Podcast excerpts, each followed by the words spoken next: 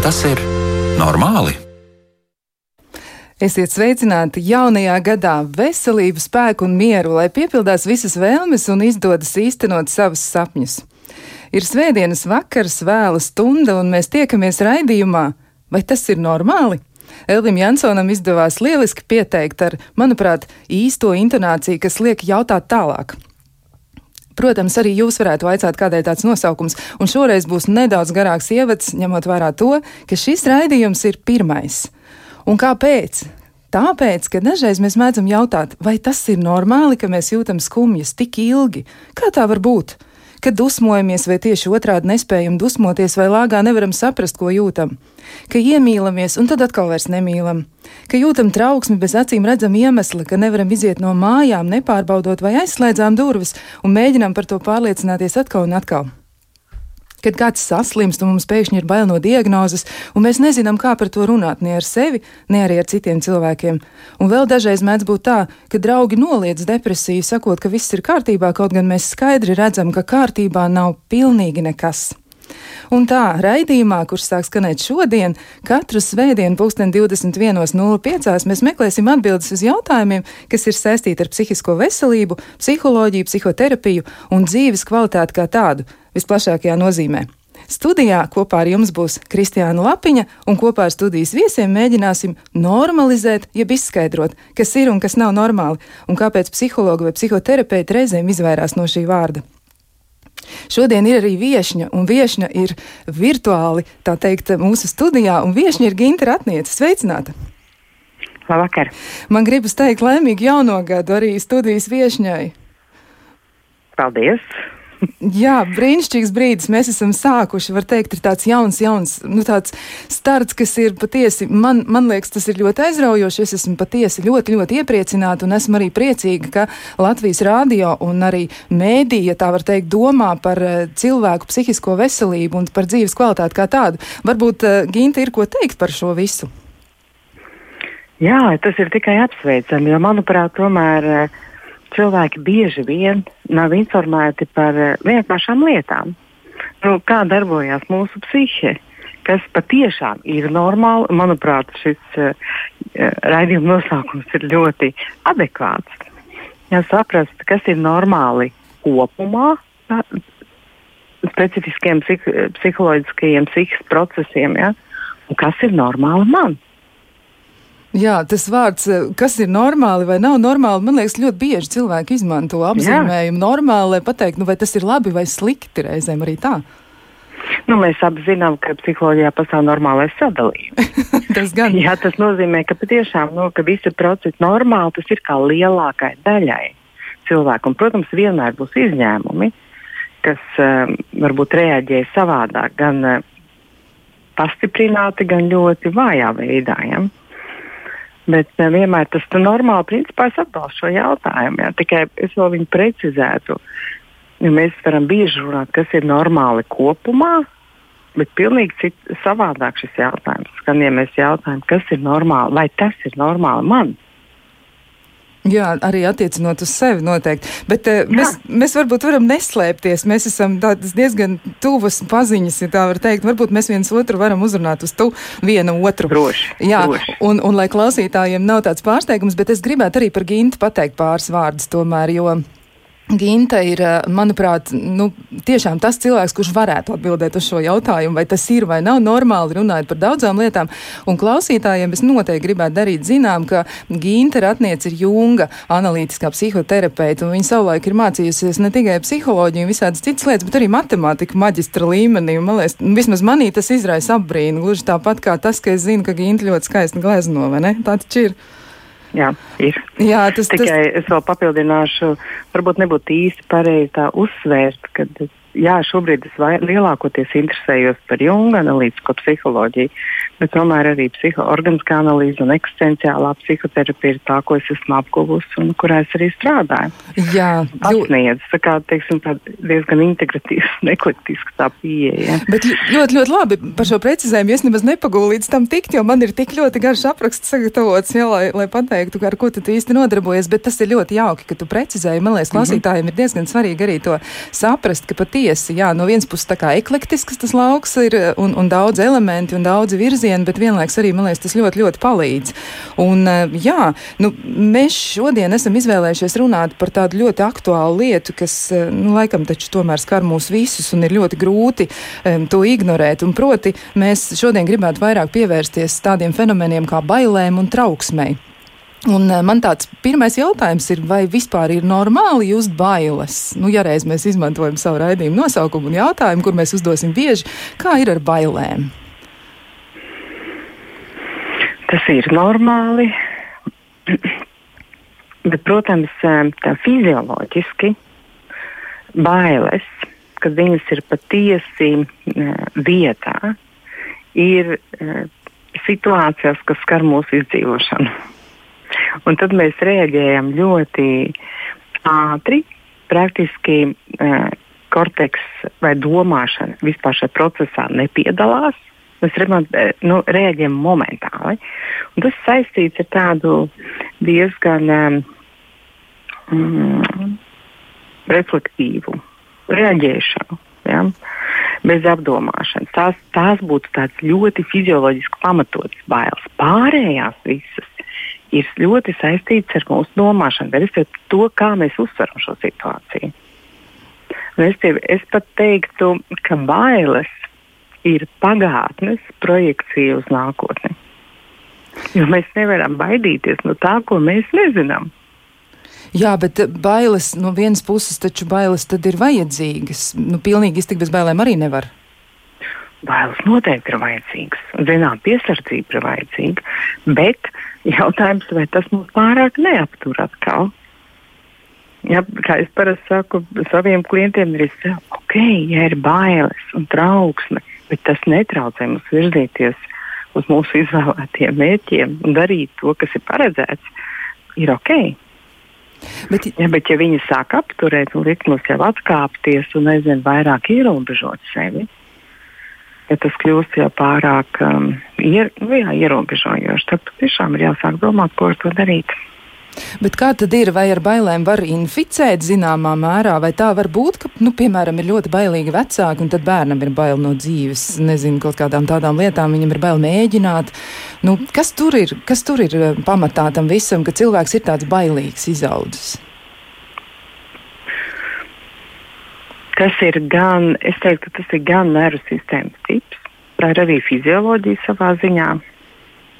Un bija interesants pētījums, ko es lasīju, piemēram, attiecībā uz, man liekas, tās bija augu blusiņas. Katrā sugā ir ļoti drosmīgi indivīdi un ir ļoti bailīgi indivīdi.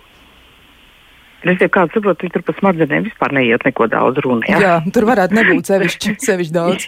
jā, nu, lūk, bet joprojām tāda uzvedība ir novērojama.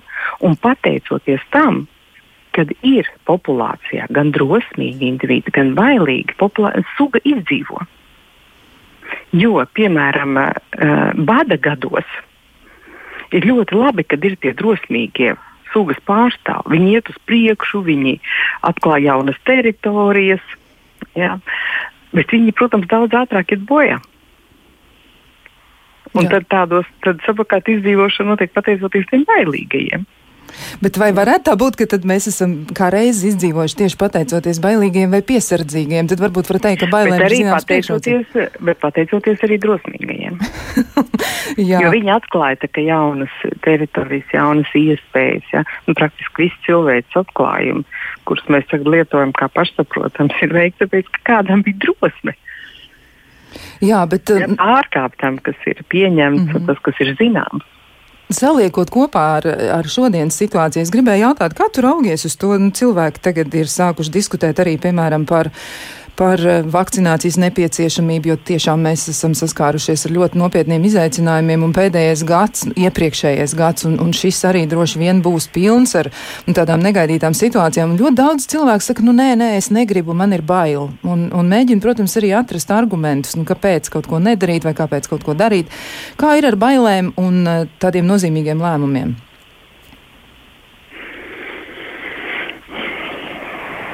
Nu, varbūt no sākuma tomēr pakāpsimies solīt atpakaļ un parunāsim par atšķirību starp bailēm un trauksmi. Lūk, jā, un tas arī varētu būt iedrīgs jautājums. Tad kā atšķirt bailes un trauksmi? Varbūt kā reizi par vakcināciju runājot, tur trauksmi parādās drīzāk, nevis vienkārši bailes. Varētu būt gan, gan. Gan, gan. Nu, tad kāda ir jā, atšķirība? Jā. Nu, arī viedokļi, arī speciālisti vidū ir dažādas pieņēmumi, bet pamatā mēs runājam par trauksmi, ka tā ir um, nediferencēta Mēs neapzināmies iemeslu vai nezinām šo iemeslu.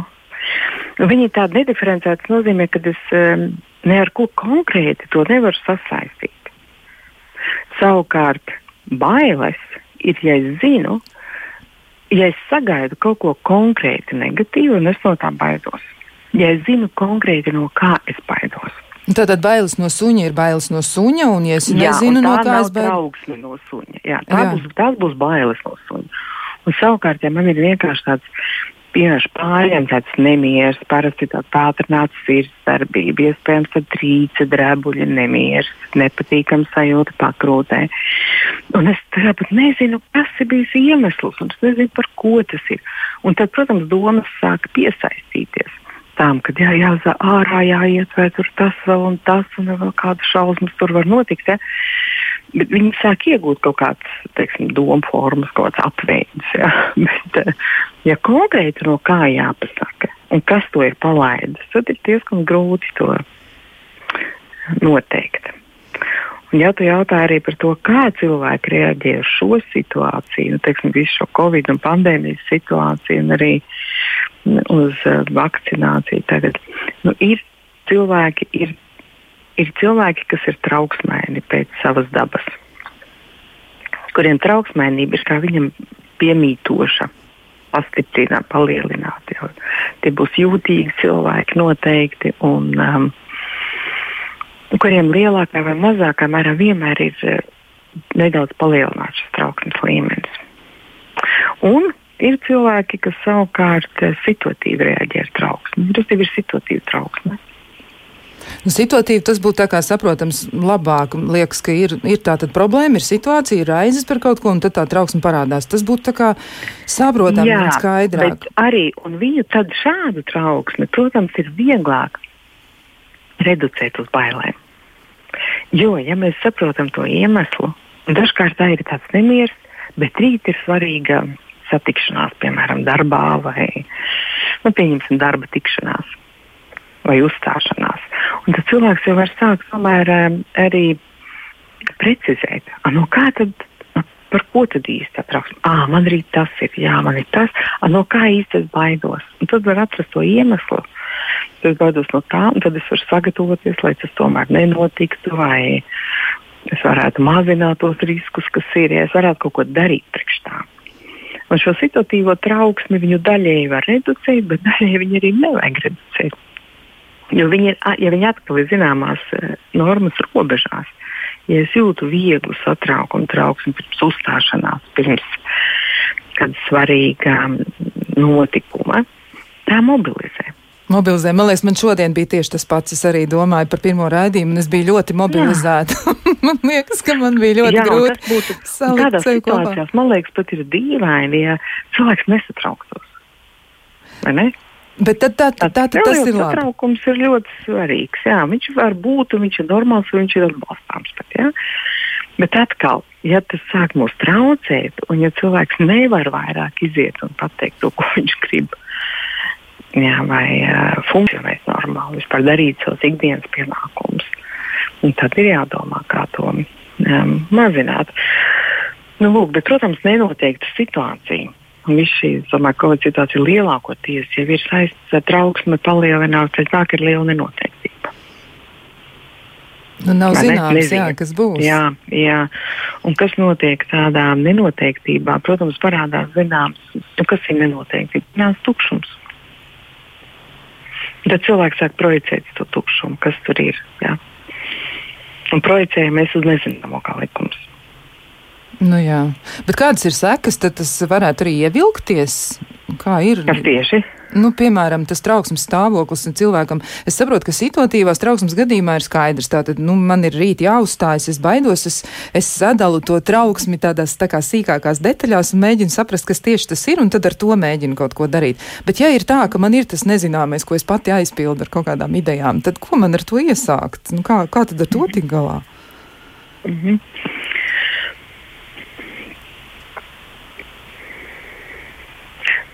Pirmais, vajadzētu patiešām uzdot šo jautājumu, vai tas ir normāli. un es teiktu, šoreiz, vai sev, nu, vai tas ir man normāli? Jā. Ja? Un, um, man liekas, arī tā Covid sākumā es savā podkāstā arī veltīju vienu sarunu šai trauksmes tēmai. Tas pamatīdēja tajā sarunā, un es arī tagad domāju, ir jāpazīst sevi. Ja es pazīstu sevi, es zinu, kā es rēģēju, zinu, kas man palīdz es varu to izmantot. Un es arī zinu, kas man ir normāli un kas man nav normāli.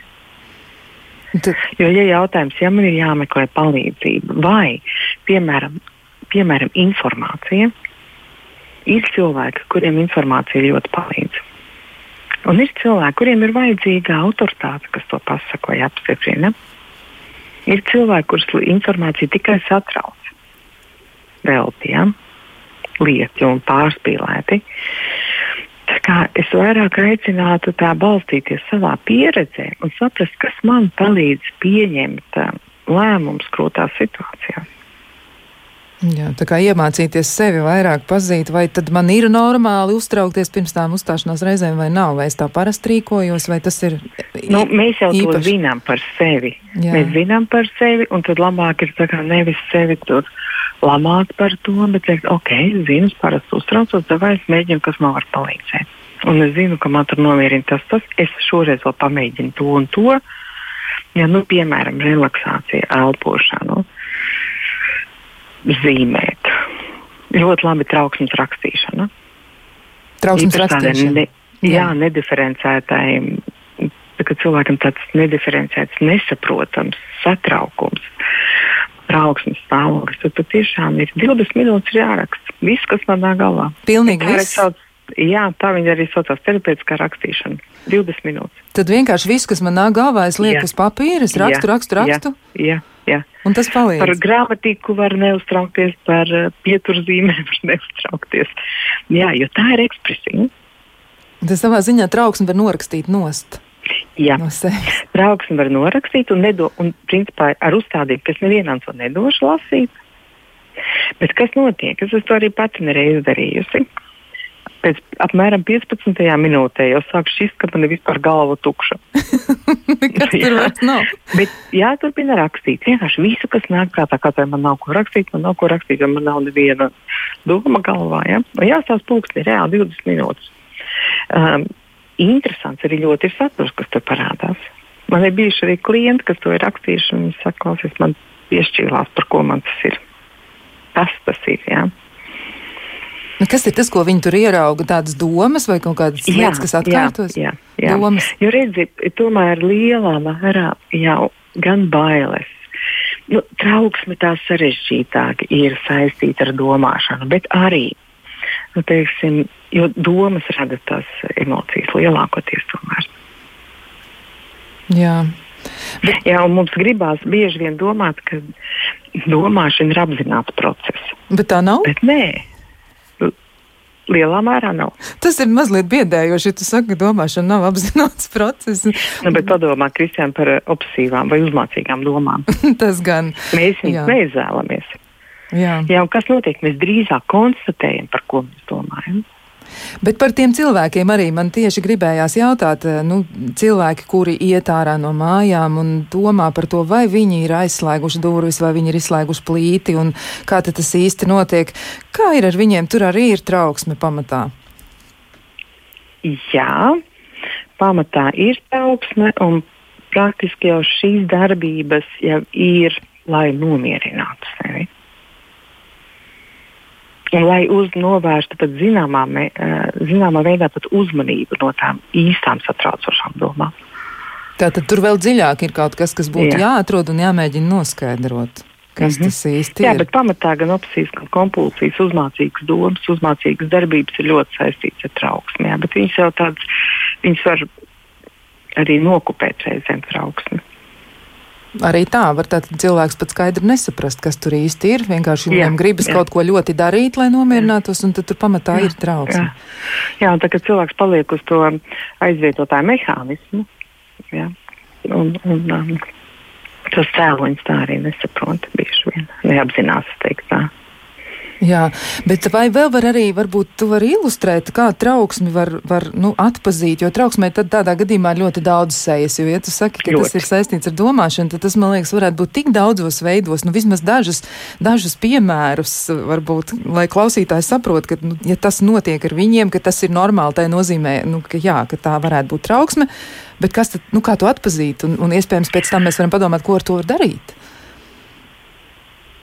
Redz, tieši trauksme, es minēju, varbūt nav tik lielā mērā saistīta ar domāšanu. Bet kas notiek? Tiklīdz mēs konstatējam paaugstinātu satraukumu vai trauksmi, būtu labi padomāt par iemesliem, vai reizēm atrast situāciju, vai um, kad man viņa sākās, vai es varu ar kaut ko sasaistīt to vai nē. Um, ja nē, tad cik man bieži tomēr pamērot ir uz ko reaģēju, kādās situācijās man viņa paaugstinās, kādās samazinās. Ja, un, um, redzi, un trauksme tomēr nāk psiholoģiski, viņa veidojās ļoti agrīni. Principā viņa mūs, um, um, principā tas ir iekšē, iekšējs regress uz zīdaiņa stāvokli. Tad tas ir ļoti ātri, bet kas tad ir pa priekšu bailes vai trauksme? Tad ar ko mēs piedzīvojam? Trauksme viennozīmīgi. Ir pirmā. Jā. Un baidīties mēs iemācāmies pēc tam. Jā, jā, protams. Trauksme mums ir primāra un, um, un viņi, ir, kā, viņi ir ļoti atkarīgi no aprūpētāja, protams, vidē. Un tāpēc viņi ir nediferencēti. Tāpēc mēs patiešām viņai arī bieži vien nevaram atrast to iemeslu. Jā. Jo bailes skaidrs, mēs esam nobijušies, kādreiz ir bijusi reāli bīstama situācija. Ja, un mēs jau ko līdz mēs tā kā, oi, te es pamanu tālumā suni, man jau sākās. Ja? Tur satraukums, tur nosvīs rokas, tur drēb kājas, vispārējais. Ja? Bet tās tomēr ir bailes, pat varbūt viņas ir tā, trauksmīgi vairāk, bet tas ir bailes no konkrēta kaut kā. Ja? Nu, lūk, bet teiktu, ka intrapsihiski, ja mēs pat izmantojam šo Erika bērna modeli par šiem iekšējiem stāvokļiem saviem, kā bērna stāvoklis, pieaugušā stāvoklis un vecāka stāvoklis, ja, tad tieši trauksmēnība, trauksme ir šajā bērna stāvoklī. Tas nozīmē, ka ja mēs esam ļoti lielā trauksmē, ka principā mūsos dominē šī bērna daļa un diezgan agrīna bērna daļa. Un ja mēs varam ieslēgt savu pieaugušo kas izvērtē realitāti. Vai vecāku, kas ir mierinošs, arī pret sevi mierinošs vai pieņemošs, ja nevis sodošs un vērtējošs. Mēs varam sevi iekšēji savākt bišķi vairāk, apzinoties, ka tas tomēr ir mūsu iekšējais bērns, kas ir satraucies. Jā. Ir skaidrs, ka iekšējais, nu, kā jau saka, ne vecāks, ne pieaugušais. Um, mm, Es domāju, arī šīs daļas tomēr arī, liel, arī stresa situācijās, kas ir ļoti bīstamas un potenciāli bīstamas, tomēr adekvāta reakcija ir mobilizēties un risināt, vai darīt kaut ko, vai beigt tur, vai uzbrukt, kā mēs klasiski zinām. Ja? Vai patiešām meklēt kaut kādus risinājumus, bet trauksmē mēs nemeklējam risinājumus. Tādā ļoti lielā trauksmē jau. Ja? Jā, bet uh, trauksme taču varētu būt arī nu, savā ziņā kā simptoms, ja tā varētu izteikties kaut kam tādam, kas vēl notiek ar cilvēku. Vai var būt tā, ka depresija ir saistīta ar trauksmi, jo ļoti daudz Jā. cilvēku ir aizējis par to, kā viņi jūtas, un viņi saprot, ka īsti nav labi un tiešām ir nomāktība un ir nelāgas domas par sevi, par pasauli. Un tomēr ir arī tie trauksmes simptomi. Vai tas ir savstarpēji saistīts Jā. un kā? Trauksme var būt pavadoša ļoti daudzām gan slimībām, gan pavadoša psih psihiskām saslimšanām, arī fiziskām. Dažām, protams, arī medikamentiem, kā blakus efekti, var būt reizēm. Ja? Protams, tas ir ārkārtīgi plašs spektrs. traucējumu un ļoti dažādās situācijās. Tā kā, tāpēc es saku, ir jāsaprot, cik man viņi ir un uz ko un kad viņi ir sākusies. Jā, bet eh, nu, tad atkal runājot par ilgumu, ir jau cilvēki, kuri saka, nu jā, es raizējos un man tā trauksme tā kā ir, bet es neko nedaru. Vai varbūt arī tādas nelāgas sekas tam, ja cilvēks neko neiesāk ar trauksmi un tā arī dzīvo, raizējās un kaut ko nespēja. Kā tad tas var ietekmēt dzīves kvalitāti kopumā? Kāda ir tā, tava doma varbūt par šo? Nu, es varbūt teikšu optimistiski, ja cilvēks var dzīvot ar to, tad nav tik traki. Nu, turbūt viņš daudz ko nemēģina. Jā, bet tas ietekmē dzīves kvalitāti. Bet, uh, jo trauksme var sasniegt arī tādu um, pakāpi, ka viņa nav izturama vairāk. Jā, un ko nozīmē Jā, un... nav izturama?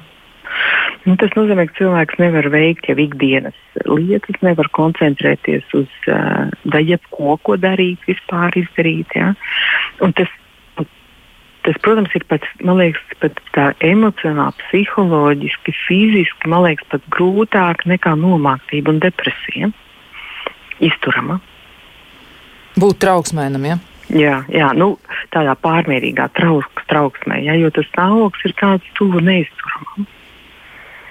Jā. jā, un tad es tiešām domāju, tad, jā, tad patiešām ir jāmeklē palīdzība nezinu, vai no ātrā palīdzība, nu, varbūt gluži nē, bet uh, ģimenes ārsts un, uh, vai pie psihiatrā ietas pieņemšana. Ja? Jo patiešām tad ir varbūt iespējams nepieciešama medikamenti. Ja? Kaut kas tāds ir jāiesāk, jā, jā, tā nopietni. Jā, tad, tad, ja tas ir ļoti, ļoti paaugstināti. Ja? Nu, labi, bet kā tad atšķirt to patoloģisko, jeb to grūto stāvokli, kad nu, tiešām, nu, labi, subjektīvi cilvēks varētu saprast, tas man nav izturami, es vairs to nevaru. Jā. Tas, tas ir tas atskaites punkts. Jā. Nu, tad es, es pats tā kā saprotu, tā kā tu teici, ja, ka tas man vairs nav normāli. Tā, tā? Jā. Tieši tā tad tas, tas var, būtu jāņem vērā. Mm -hmm. Mm -hmm. Un savukārt tas tiešām ir tāds ilgstošs, un cilvēki patiešām uh, ir cilvēki, kas ilgstoši un gadiem dzīvo trauksmi, kuriem tā ir viņu dzīves sastāvdaļa, varētu teikt. Ja? Un tas ir ilgstošs terapijas process, ilgstošs mm, cita.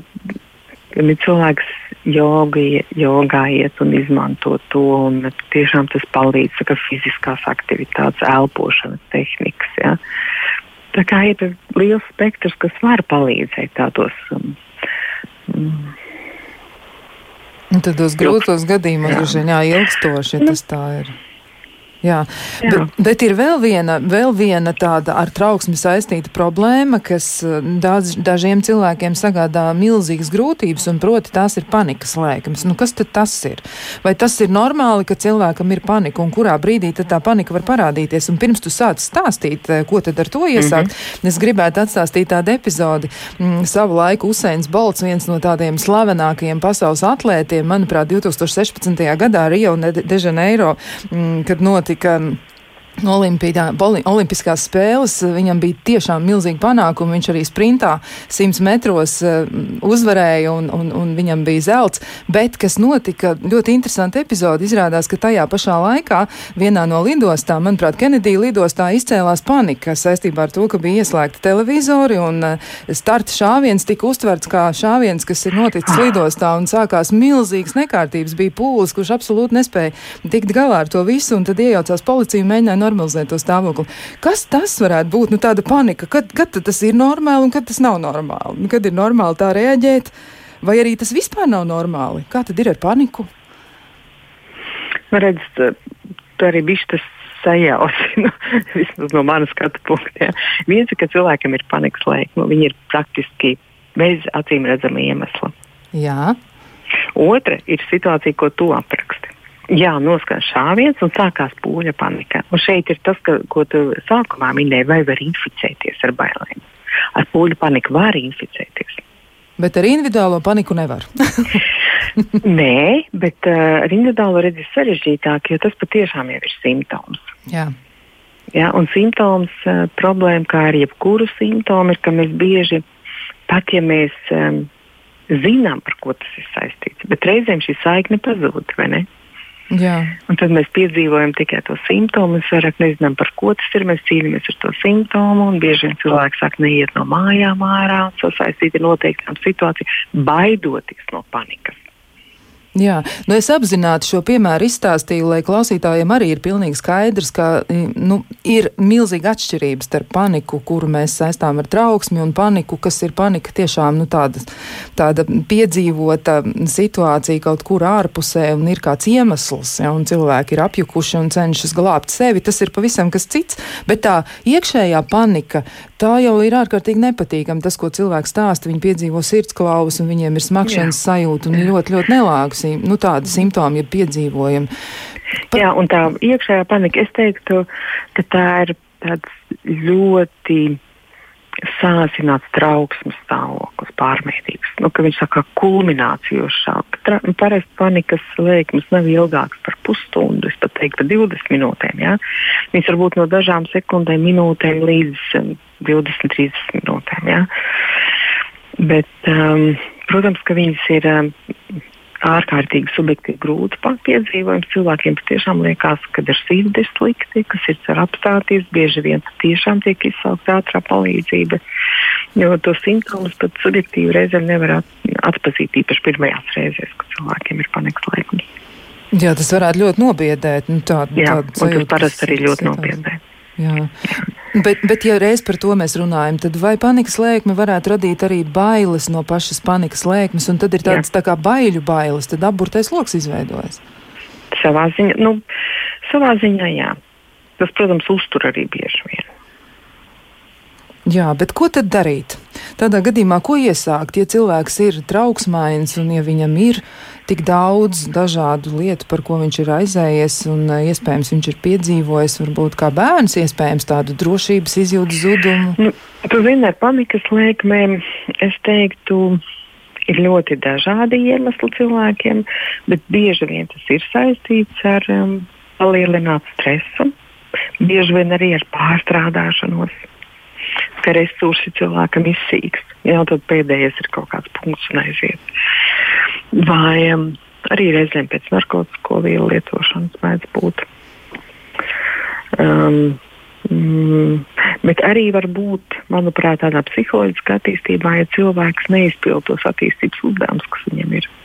Un arī ko, bieži vien. Un ko tu ar to domā? es ar to domāju, ka cilvēks, piemēram, ir, nu, viņam jāiziet jaun, uz jaunu darbu, viņam tas stress jāpārvar, vai kāds izaicinājums jāpieņem. Viņš to no vienas puses grib. Bet ir kaut kāds aizliegums, vai nu iekšējs, vai tur kāds aizliedzis. Ir, ja? Pamazām viņam rodās šī reakcija. Ja? Varbūt viņš, viņš aizvien vairāk noslēdzās, vairāk, un, un tā ir situācija, kas iegriež to negatīvo apli. Ja? Jā, tāda neticība sev var būt arī pie viena. Jā, un viņai tad vien tiek producēta, un tā panika vēl lielāka un trauksme ir. Jā, jā nu es teiktu, panikas lēkmes vajadzētu meklēt palīdzību. Un tā tad tas arī ir normāli, tās panikas lēkmes piedzīvot tā ziņā, ka tas tā var notikt ar cilvēkiem, jā. bet būtu arī normāli meklēt palīdzību. Jā. Un to vajag... psihoterapijas speciālisti. Jā. Psihologi. Bet var arī iemācīties kādus paņēmienus, nu, kaut ko nebūtu darīt arī pats cilvēks, tad, kad viņš piedzīvo panikas laiku. Varbūt viņš kaut ko var darīt, nu, elpošanas vingrinājumi, varbūt ir kas tāds, kas labi strādā, kā saka. Ir praktiski visi relaksācijas vingrinājumi, samai tāds kontakts ar realitāti arī. Bet tad ir viņi grūtāk atrast, protams. Jā. Dziļa elpošana noteikti.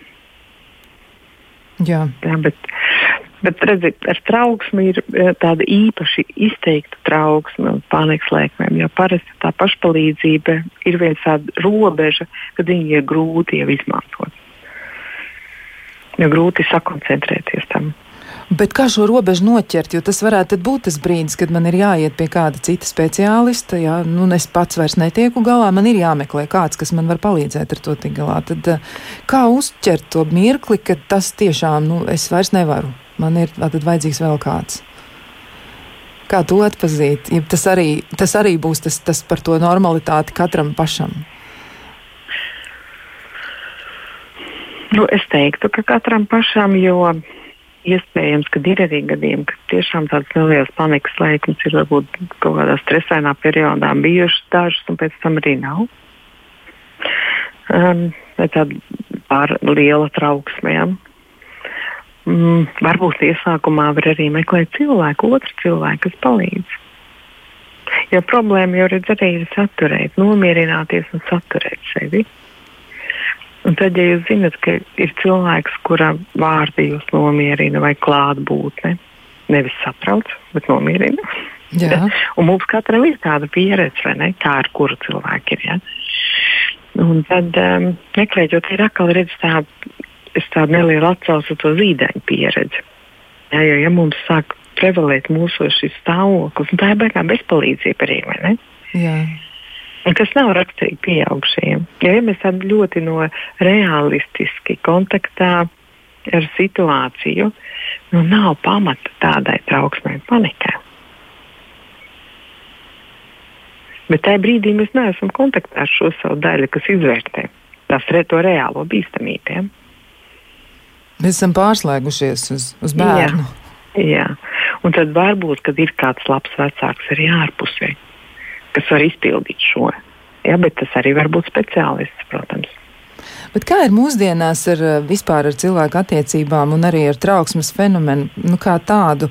Kas ir tas, ko tu novēro? Vai tas varētu arī būt saistīti, ka cilvēki, kuri gribētu saņemt palīdzību, vai arī kuri gribētu varbūt arī aprunāties, vienkārši viņi to nedara tā iemesla dēļ, ka ir ļoti, ļoti um, svarīgi parādīt, nu, ka es tieku ar visu galā, un man ir darbs, un es varu to izdarīt, un man ir ģimene, un vēl citas lietas, un es to visu varu nest, un es nevienam nedrīkstu rādīt, ka es esmu vājš un nevarīgs. Nu, Zin, kā, man jau liekas, ka psihoterapija kļūst aizvien nu, tāda pašsaprotamāka palīdzība un mūsu dzīves sastāvdaļa. Jā, man liekas, ka nu, jau cilvēki arī nekautrējās uh, saņemt šādu palīdzību. Vai teikt, ka viņi iet pie psihoterapeita. Iet. Jā, bet es neizslēdzu, ka ir, protams, cilvēki un um, grupas cilvēki un slāņi, kas to nedara vienkārši. Ja? Bet no otras puses, to arī zina, psihoterapija nav panacēja. Pilnīgi visiem tas nevar palīdzēt. Jā. Cilvēkam ir jāvēlās, jābūt motivētam, jābūt arī jāspēj no, novērot sevi, reflektēt jābūt ieinteresētam šajā procesā, sevis izpētes, saprašanas, palīdzēšanas. Ja? Tas ne visiem. Jā. Jābūt tādam jā, uzstādījums. Jā. jā, jā, jābūt tādam iesaistītam. Bet eh, nu, tad jā. mēs varam teikt, ja kādreiz varbūt cilvēki raizējās par to atkal izmantojot mūsu mm, teicienu, ko mēs droši vien atkārtosim daudz reižu, vai tas ir normāli, tad kādreiz cilvēki iespējams domāja, ka tas nav normāli doties pie psihoterapeita, bet tagad liekas, ka tā ir kļuvusi tomēr par dzīves sastāvdaļu, kāda vizīte vai nu laiku pa laikam, vai kāda sesija sērija, kur droši vien ir iespējams vairāk uzzināt par sevi. Varbūt tas ir pats galvenais iegūms. Ja tu reiz saki par trauksmi, ka tas ir tā, nu, ka reizēm tas varētu būt ļoti dziļi un tas ir saistīts ar bērnības pieredzi vai izjūtām, kas ir ļoti, ļoti senas, kurām grūti taču varētu būt piekļūt tāpat uzreiz, Jā. tad uh, iespējams, ka psihoterapija vai, vai kāds profesionāls uh, palīgs varētu labāk uh, palīdzēt to ceļu iziet un saprast. Jā. Kā tas? Tas, um, jā, un arī es teiktu, ka psihoterapija kļūst kā kā iespēja normāli arī tad, ja cilvēkam nav īpaši simptomi un grūtības. Bet ko tā dod, ja mēs, nu, labi, panika skaidrs, trauksme skaidrs, ja no kaut kā man ir bail, tad arī es varu mēģināt saprast, cik tad ir tas, nu, tas mans stāvoklis normāls vai nenormāls. Vai es varu turpināt baidīties no suņiem, var jau būt, ka tas mani glābi, ja, un, un bailes no lidošanas arī jau nav nemaz tik nenormāls no tā viedokļa, ka tur jau ir kaut kāda daļa, kas mūs pasargā. Bet, um, Nu, ko tad cilvēks, kuram nekas īsti tā nekaiš, ko tad viņš tur darīs, aizgājis pie psiho, psihoterapeita, piemēram? Kāpēc tu domā, ka tas ir tik būtiski citreiz? Ja tas tomēr ir sevis izpētes process. Mūsu bezapziņa, mūsu psihe, es teiktu, ir teju bezgalīga. Mūsu apziņa ir ļoti ierobežota. Mēs, es domāju, savā psihē mēs varam atklāt ļoti daudz, analizējot tos pašus sapņus. Jā. Jā. Tāpat eh, jautājums, eh, ko mēs projicējam uz ārpusi. Nu, tā pašā tukšumā, ko mēs tur uzprojicējam. Tas pats katastrofālās domas, negatīvā domāšana, vai ne? Bet tas arī ir mūsu saturs. Tā kā mēs pierakstam citiem, viņu motīvus, viņu um, negodprātīgos. Ja? Nu, tas nav nekas cits kā projekcija. Ja mēs nevaram zināt citu cilvēku motīvus. Tas, ko mēs redzam, ir viņu uzvedība. Ar to mēs ļoti daudz projicējam, ja mēs sākam apzināties šīs projekcijas. Viņas ļoti daudz pasaka par mums pašiem. Kā mēs zinām, mēs lielākoties savām projicējam. Nu, jā. jā, tas ir tāds uh, tiešām neizsmeļams lauks sevis iepazīšanai un analīzei. Jā. Nu, jā, tā ir. Tas, ko tu saki, man, protams, arī ļoti saprotams, jo arī mana profesija nu, ir saistīta ar psihoterapiju, un es uh, gribētu arī klausītājiem atgādināt, ko tad mēs darām šodien. Šodien ir jauks starts, mēs šodien runājam par to, kas ir vai nav normāli, un tā ir tāda laba lieta, mm, kas ir uzsākta. Manuprāt, šis ir raidījums, vai tas ir normāli, un mēs mēģināsim atbildēt uz dažādiem jautājumiem. Un šodien ar, ar mums kopā ir Ginta Ratniece, man liekas, nu, ļoti, ļoti spēcīga savas jomas pārstāve, tiešām gan eksistenciālajā e, psihoterapijā, gan arī mm, Junga, Junga mācībā ļoti, ļoti labi orientējas, un man ļoti vienmēr ir paticis ar Gintu runāt. Un es tomēr gribētu arī jautāt, atgriežoties pie tā pamattemata, šodien, ko mēs apspriežam par bailēm un trauksmi. Ko vēl varētu mēģināt darīt un eh, kā uz to raudzīties? Jo tu teici arī, ka bailes nu, varētu būt kas tāds, kas par kaut ko ziņo, Ja, tas ir tāds signāls par to, ka kaut kas notiek, un tad es varu mēģināt saprast, situatīvā trauksme, tad ir elementi, e, kas ir sakārtojušies kaut kādā noteiktā veidā. Varbūt tās ir tās dažādas bailes, nezinu, bailes izgāzties vai bailes nebūt pietiekami labam, un tad tas rezultējas kā trauksme. Bet, e, ja vēl par citām lietām, nu, tad kas ir tas, -hmm. ko vēl varētu mēģināt iesākt trauksmes -hmm. gadījumā? Nu, Tātad, ja mēs konstatējam, ka mēs esam pārāk satraukti kaut vai par šo pašu situāciju, ja, ir viens atbildēt sev uz jautājumu, vai informācija man palīdz, vai viņa man uztrauc vēl vairāk. Informāciju šobrīd var jebkurš atrast. Protams, mē, mēģinot atrast eh, zinātniski pamatotu. Jā. Tātad informācija. Jā vai nē?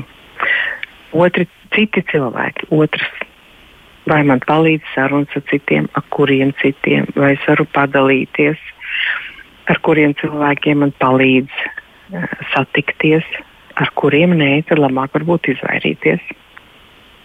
Šobrīd mēs to varam darīt. Jā. Mums, mums liek to darīt brīžam arī. Jā, mums ne tikai, jā. mēs ne tikai varam, jā. bet mums tas jādara. Cits nākamais jautājums.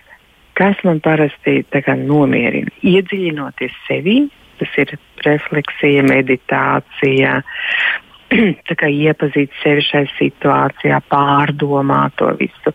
Vai iespējams darbība ir tā, kas man nomierina. Un tad patiešām ir vērts kaut ko domāt, ko es varu iemācīties izdarīt. Man ir laiks, iespēja šobrīd. Pavarēt mums jaunas iespējas šajā laikā, vai ne? Nu, savā Mēs varam daudz ko darīt. Jā. Vai ne? Tālāk patiešām ir dažādas jau tādas eh, pašregulācijas metodas, ko es jau minēju, šī um, terapeitiskā rakstīšana. Bija burvīgs um, pētījums, eksperiments ar šo rakstīšanu. Cilvēkiem deva rakstīt šīs pašas 20 minūtes, bet atceroties dažādas traumatiskus vai nu, pārdzīvojumus, krīzes savā dzīvē, vienkārši rakstīt par viņiem katru dienu. Um, neatceros, cik konkrēti dienas cilvēki to rakstīja, bet salīdzinoši ar kontrolu grupu, tiem, kas rakstīja 20 minūtes dienā, viņiem imūnsistēmas rādītāji palieli, uzlabojās, komunikācijas citiem cilvēkiem uzlabojās, simptomi daudz mazinājās. Tas bija apbrīnojami. Salīdzinoši ar cilvēkiem, kas to nedarīja. Jā, un skaidrojums. Lūk. Mm, es domāju, pirmkārt, ir ekspresija un pārstrāde notiek. Tad tas nozīmē, ka tajā brīdī, kad es uh, rakstu, es uh, tā kā iedziļinos savās domās, tad es tās mm -hmm. domas mēģinu noformulēt. Kaut gan tu teici, ka var rakstīt vienkārši visu to, kas nāk prātā. Jā, jā. jā. Nu, tā, tas bija nedaudz cits um, veids, kā rakstīt. Jā? Jā. Bet tur ir dažādas metodas, kā to darīt. Bet jā, ir tāds uh, veids, un kas notiek, kad es arī jo bieži vien man tāda metafora ir, ka mēs, ka mēs domājam par kaut ko, mums kā putrs katlā vārās tajā galvā. Ja? Un viņi ir noslēgti. Tad mēs sākam runāt, ka mums kādam ir jāizstāsta, kas mums tajā galvā ir. Mēs paši jau dzirdam, par ko mēs runājam. Un savā ziņā jau atvieglojums, pirmais atvieglojums terapijā ir pateicoties tam, ka cilvēks izstāsta. Jā. Ja? Un tas samazina to iekšējo spriedzi. Bieži vien izstāsta to, ko viņš varbūt nekad nevienam nestāsta. Kur, nu, ja mēs bieži domājam, kā tas ietekmēs citus, ko padomās par mani, vai par to vajag runāt, vai tas ir pārāk, vai par to ir kauns runāt, vai ne. Nu, lūk, bet papīram mēs varam, tā ir arī ekspresija. Tas nozīmē, ka mēs varam arī mēģināt paši to mājās Jā. izdarīt, mm -hmm. nu, ja mhm. mēs jūtam, ka Jā. ir grūti. Nākamais var zīmēt var uzzīmēt savu trauksmi vai jebkuru sliktās domas vai jebko. Ja, un pie tā arī nepalikt. Mēģināt transformēt to zīmējumu, kas man jā nepatīk. Meklēt, varbūt pretpolu. Ok, šis ir tas tik slikti, es jūtos. Kā es gribētu, vai kas būtu pretpols šim, uzzīmēt to. Jā, tā kā darboties ar to zīmējumu tālāk. Reizē man liekas, ir ļoti vērtīgi sev pajautāt, kas sliktākais var notikt. Katastrofa, ja tas katastrofālais scenārijs. Jā, bet konkretizēt, nevis tā vienkārši saka šausmas, šausmas. Un bieži cilvēki neizdomā līdz galam. Jā, bet ok, pajautāt, vai vienreiz apsēžos un izdomāju, nu, ja patiešām notiks vissliktākais, nu, kas tā konkrēti, nu, realistiski varētu notikt. Kā es sadrīkošos? Nu, izdomāju līdz galam, noliku, malā, zinu, kā es darīšu, nav vairāk par to jāuztraucās, varbūt tik daudz vai ne. Vai daru to, ko es gribētu. Jā, kā es gribētu, lai notiek tas varētu nostrādāt. Es iedomājos cilvēku, kurš ļoti raizējas par, piemēram, par publisko uzstāšanos. Viņš varētu nu, izdomāt, jā, nu tad, kad nezinu, viņš uzstāsies, viņš sajauks tekstu vai, vai notiks kas tam līdzīgs, tad kas tas briesmīgākais, kas varētu notikt? Nu, visticamāk, jau publika reaģēs, visticamāk, jau atsaucīgi. Es, es nevaru iedomāties kaut ko tādu nelāgu, nu, cik tad ir cilvēki, kas ir izsvilpti šādā nu, situācijā. Arī, ja būtu. Un ja būtu. Ja? Nu, arī, ja būtu, nu, ko tad tu darīsi? Tad varētu palīdzēt arī iztēle vienlaikus, vai ne? Jā, jā. Mhm. Mēs iedomājamies, kā tas ir. Mm -hmm. nu, tad arī uh, es jau minēju, varbūt ne tikai izprast tos cēloņus, tomēr mēģināt saprast. Ja? Nu, viņi gan tie situatīvie cēloņi, gan arī varbūt pajautāt, nu, kad vēl es tā esmu jūties, ko tas man atgādina vispār šāds stāvoklis. Varbūt tas var ļaut ieskatīties nu, kāda tad pagātnes situācija varbūt vispār nes uz šo situāciju. Jā, arī tā nu, un, arī, būt, un arī fiziskās aktivitātes galu galā ļoti man palīdz. Mm -hmm. Jā, jā, bet tas, ko tu minēji par to. Mm. Par mm. to iepriekšējo tu teici, es gribēju pieķerties tai domai. Tu tagad teici elpošana, bet es vēl pie tās iepriekšējās domas. Tu teici, Jā. tā iepriekšējā situācija var būt tāda, ka cilvēks ir pieredzējis kādu reizi, kad ir bijusi varbūt nelāga pieredze. To nelāgo pieredzi var kaut kā mēģināt nu, salabot vai pārstrādāt, vai kaut ko ar to darīt. Ja ir tā pieredze tāda, nu, jā, nesanāca, bija traki, jutos slikti un tagad cieši no trauksmes. Vai es varu to pārveidot? Kā, kā tu domā? Nu, situācijas jau burtiski mēs nevaram pārveidot, vai ne? Jā. Bet savas eh, reakcijas, tas, kādā veidā mēs tās atceramies, mēs varam pārveidot, protams. Mm. Es domāju, ātrumā vai kādu metodi var ieteikt, kas um, palīdz nu, traumu pārstrādē, tas IMDR, protams, bet vai patstāvīgi darīt, ka varbūt ka gluži nē. Bet tad aiziet pie speciālista arī. Mm, bet redzi, šī pati cilvēks apzinās šo saikni. Tas var būt tāds aha, moments, ka šobrīd jau tā nav tā situācija. Jā, man šī situācija ir kaut ko atgādina. Bet tas nav tas pats. Par to nav jāstraucas, jo tas nav tas. Tas nav tas pats, jā, tas ja? ir kaut kas cits. Bet ir tik grūti. Apzināšanās vien jau palīdz. Ja? Jā, tas ir tik grūti. Nu, kas var palīdzēt? Nu, var palīdzēt par to pagātnes situāciju, um, pajautāt, um, reizēm šī distance ļoti palīdz, jo vienalga tā ir pagātnes situācija. Kaut vai desmit dienas atpakaļ, divus gadus, 30 gadus atpakaļ, 50 gadus atpakaļ. Ja? Mēs varam pajautāt, nu, kāpēc man tas pārdzīvojums joprojām, kas man tajā situācijā tur, nu, kādas manas vajadzības netika apmierinātas. Ko īsti, ko man vajadzēja tajā situācijā no tiem citiem cilvēkiem, ko es būtu sagaidījis, kas man netika ko es nespēju realizēt tajā situācijā, vai ko es nesaņēmu. Un tad, teiksim, izsērot to, ir eh, to, ko mēs izsērojam, mēs varam atstāt pagātnē. Bet tā aizvainojums, ka mēs joprojām esam tajā, nu, tas nozīmē, ka mēs neesam to izsērojuši un atstājuši. Nu, pieņemšu, nu, šo pašu savu iekšējo bērnu. Tagad ir vairāk grāmatas labas iznākušas. Tas arī tādas ir, nu, principā, pašpalīdzības grāmatas. Jā, izskatās, ka ir diezgan daudz lietu, ko var iesākt ar trauksmi Jā. un paniku. Mm. Bet tai pirmajai sarunai mēģinot pamazām pielikt punktu, varbūt pat ne punktu, daudz punktu drīzāk.